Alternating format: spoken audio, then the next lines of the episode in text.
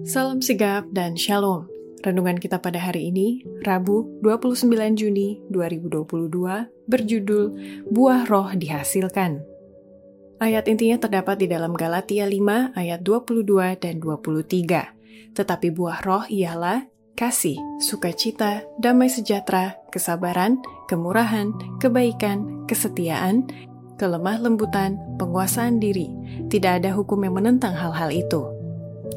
Pena Inspirasi menuliskan yang dimaksud dengan judul renungan kita pagi ini, Buah Roh Dihasilkan, sebagai petunjuk bagi kita agar mengalami kasih Allah yang tiada bandingnya itu, dikarenakan yang lama sudah berlalu, dan supaya kita dengan penuh keberanian datang menghampiri tahta kasih karunia Allah adalah sebagai berikut. Pertama, contoh dari buah roh dihasilkan akan mengandung unsur-unsur tabiat kekristenan, gaya hidup yang indah, dan memberikan kesenangan dan kepuasan yang sempurna kasih, kegembiraan, damai, keunggulan, kelemah lembutan, iman, dan kemurahan hati adalah unsur-unsur tabiat kekristenan. Gaya hidup yang indah ini adalah buah-buah roh. Itulah mahkota dan perlindungan Kristen.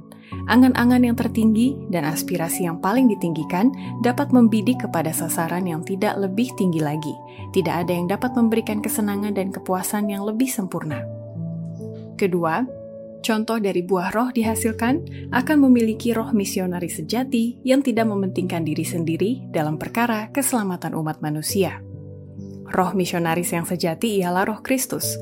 Penebus dunia adalah model misionaris yang agung. Banyak di antara pengikutnya telah berusaha dengan sungguh-sungguh dan dengan tidak mementingkan diri sendiri dalam perkara keselamatan umat manusia. Tapi tak ada usaha manusia yang dapat dibandingkan dengan pengorbanan yang tidak mementingkan diri dengan penyangkalan diri, kebajikan dari juri teladan kita. Ketiga, contoh dari buah roh dihasilkan bila mana jiwa manusia itu telah merasakan keindahan dari kebenaran dan Kristus dihormati dalam keluhuran dan kesempurnaan tabiat telah dicapai oleh pembaharuan roh. Hati manusia tidak akan pernah mengenal kebahagiaan sampai hati itu diserahkan untuk dibentuk oleh roh Allah. Roh itu menyesuaikan jiwa yang sudah dibarui kepada model itu, yakni Yesus Kristus. Melalui pengaruhnya, permusuhan terhadap Allah berubah menjadi iman dan kasih, kesombongan menjadi kerendahan hati. Jiwa merasakan keindahan dari kebenaran, dan Kristus dihormati dalam keluhuran dan kesempurnaan tabiat.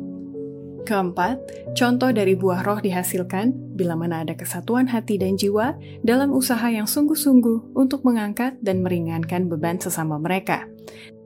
Sekarang waktunya sudah hampir habis untuk kita bertobat. Umat Allah harus menaruh minat dalam pekerjaan berbuat baik. Mereka harus mempersatukan hati dan jiwa dalam usaha yang sungguh-sungguh, mengangkat dan meringankan sesama mereka. Kelima, contoh dari buah roh dihasilkan bila mana ada roh pertobatan dan pengaruh surgawi itu telah menerangi dunia dengan berkat-berkatnya. Ratusan, bahkan ribuan, kelihatan sedang mengunjungi keluarga dan membuka firman Allah bagi mereka. Hati diyakinkan dengan kuasa roh kudus dan satu roh pertobatan sejati ditunjukkan.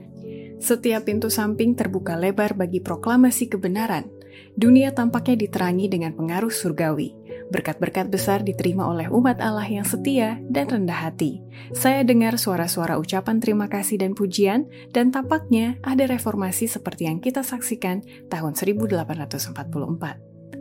Demikianlah renungan kita pada hari ini. Kiranya Tuhan memberkati kita semua.